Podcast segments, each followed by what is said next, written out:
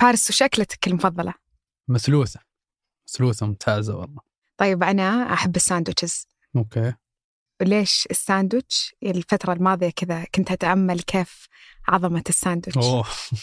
فأنا جاء في بالي سؤال شلون أصلا طلعت الساندويتش؟ وليش أصلا بهذه الطريقة؟ وكيف أصلا يعني صارت مرتبطة إنها خيار خفيف وسلس وبتخلص تاكل وتخلص. بحثت واكتشفت إن الساندويتش نفس الغرض اللي فكرت فيه إيه. هو الأصل. اللي هو؟ إنه في واحد كان إنسان مشغول. فكان يبغى أكلة سريعة فكانت عنده خادمته. فقال لها سوي جيبي خبزة وحطي لحمة وخبزة. ما كان لها اسم أصلا. هو إيش اسمه؟ اسمه إيرل ساندويتش أو شيء زي اسمه ساندويتش. إي نهاية اسمه آه ساندويتش. آه. فكان معه مجموعة من الناس فقالوا والله يا فلان نبغى زيك. نبغى نفس حقة ساندويتش. آه. فانتشر هذا الاسم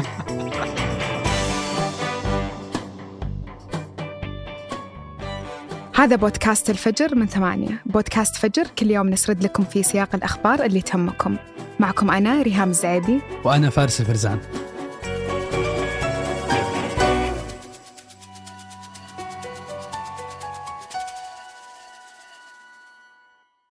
قهوة الصباح وأجود محاصيل البن المختص تلاقيها في خطوة جمل. اعرف أقرب فرع لك من الرابط في وصف الحلقة.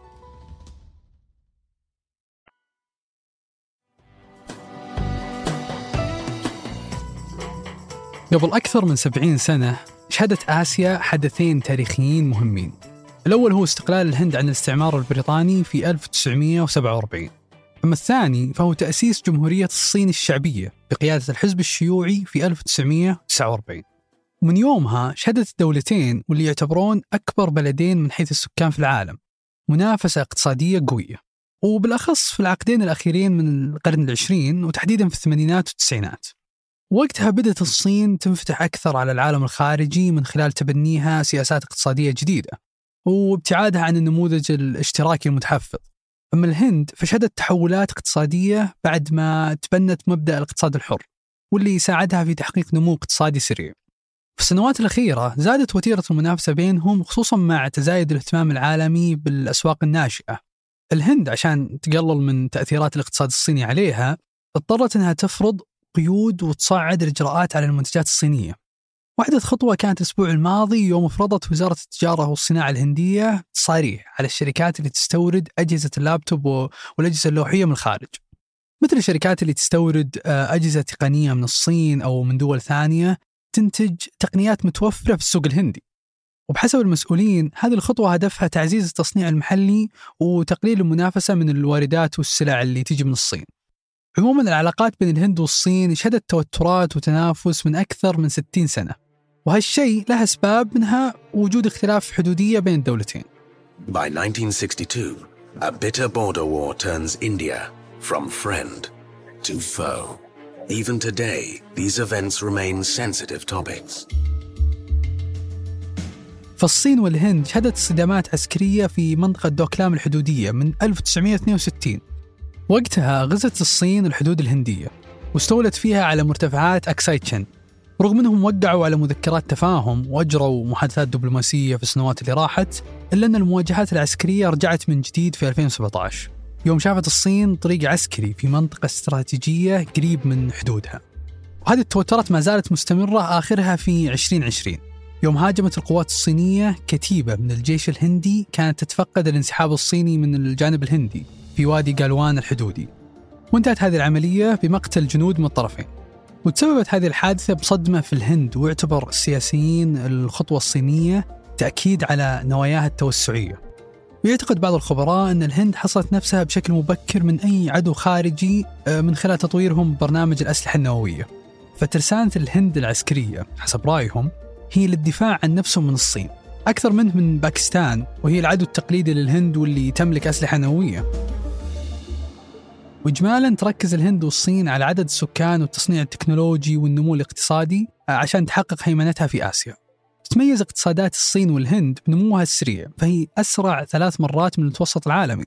وكجزء من التنافس ومواجهة هذا النمو قررت الحكومة الحالية في الهند بقيادة مودي أنها تفرض القيود على الأنشطة والاستثمارات الصينية في الهند بما فيها القطاعات الاقتصادية الحساسة مثل التكنولوجيا والاتصالات السلكية واللاسلكية والتعليم. وحضرت الهند بعض التطبيقات الصينية مثل تيك توك وكذلك استبعدت شركات الاتصالات الصينية من أنهم يقدمون ال 5G في الهند. وتزايدت مخاوف الهند عموما بعد ما أطلقت الصين مشروع مبادرة الحزام وطريق الحرير وهو المشروع اللي أثار مخاوف الهند. في المشروع الصيني يسعى لبناء ممرات برية تمتد من وسط آسيا إلى أوروبا. أما الممر البحري فهدفه إنشاء موانئ بطول المحيط الهندي. ويعتقد الهنود أن هذه المشاريع ممكن تهمش بلدهم وتحجم حضورها الاقتصادي والعسكري. ولذلك قررت الهند أنها تطلق مشاريع منافسة وأعلنت تدشين عدة ممرات تجارية في جميع الاتجاهات من بينها إنشاء ممر نقل دولي طوله أكثر من 7000 كيلومتر بهدف ربط الهند بالأسواق الأوروبية. ويبدأ هذا الممر من مدينة مومباي في الهند وينتهي في سين بطرسبرغ الروسية. وفي 2014 أعلنت الهند عن سياسة الجيران أولا. وهي هدفها حل الخلافات مع الدول اللي أصغر منها بحجة إضعاف نفوذ الصين في المنطقة. وقررت الهند من خلال هذه المبادرة أنها تمنح عقود تجارية ومساعدات خارجية مثل ما سوت مع دولة بوتان اللي حصلت على مساعدات توصل قيمتها 350 مليون دولار في عام 2019 وقدرت الهند من خلال هذه المشاريع أنها تحجم من دور الصين جزئيا لكنها فشلت في تحقيق كل الأهداف بسبب تقارب جيرانها مثل المالديف وسريلانكا ونيبال وبنغلاديش مع الصين.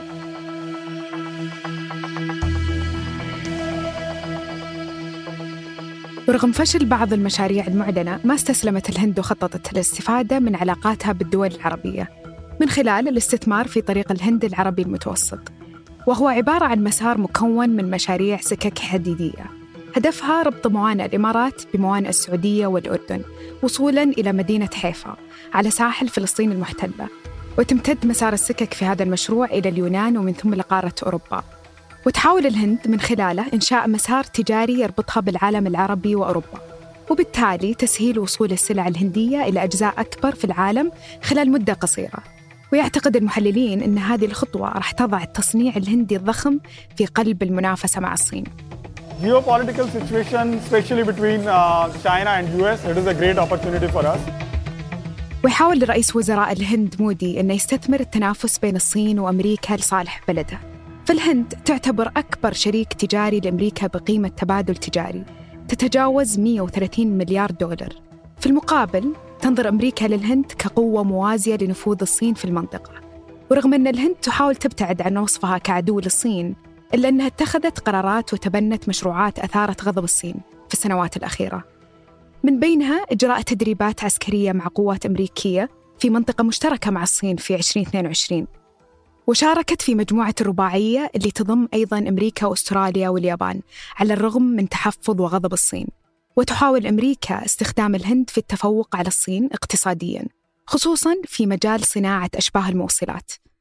وتحاول إدارة بايدن عرقلة وصول الصين إلى التكنولوجيا اللي تصنع الشرائح وتحاول أنها تستفيد من الهند اللي تستثمر بشكل كبير في هذه الصناعة حتى تلعب دور أكبر في المستقبل في التفوق الأمريكي على الصين In 2019, a UN report said the elephant could overtake the dragon by around 2027.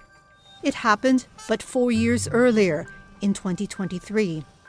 وتخطط الهند أنها تعتمد على ورقة عدد السكان في تفوقها على الصين.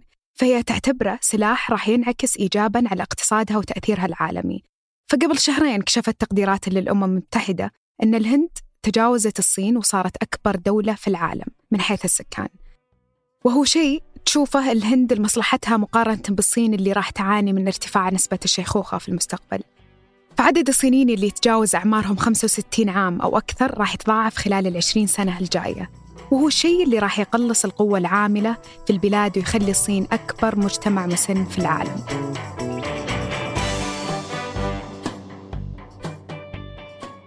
أنتج هذه الحلقة تركي البلوشي وقدمتها أنا فارس الفرزان وأنا ريهام الزعيبي. حررها محمود أبو ندى. نشوفكم بكرة الفجر.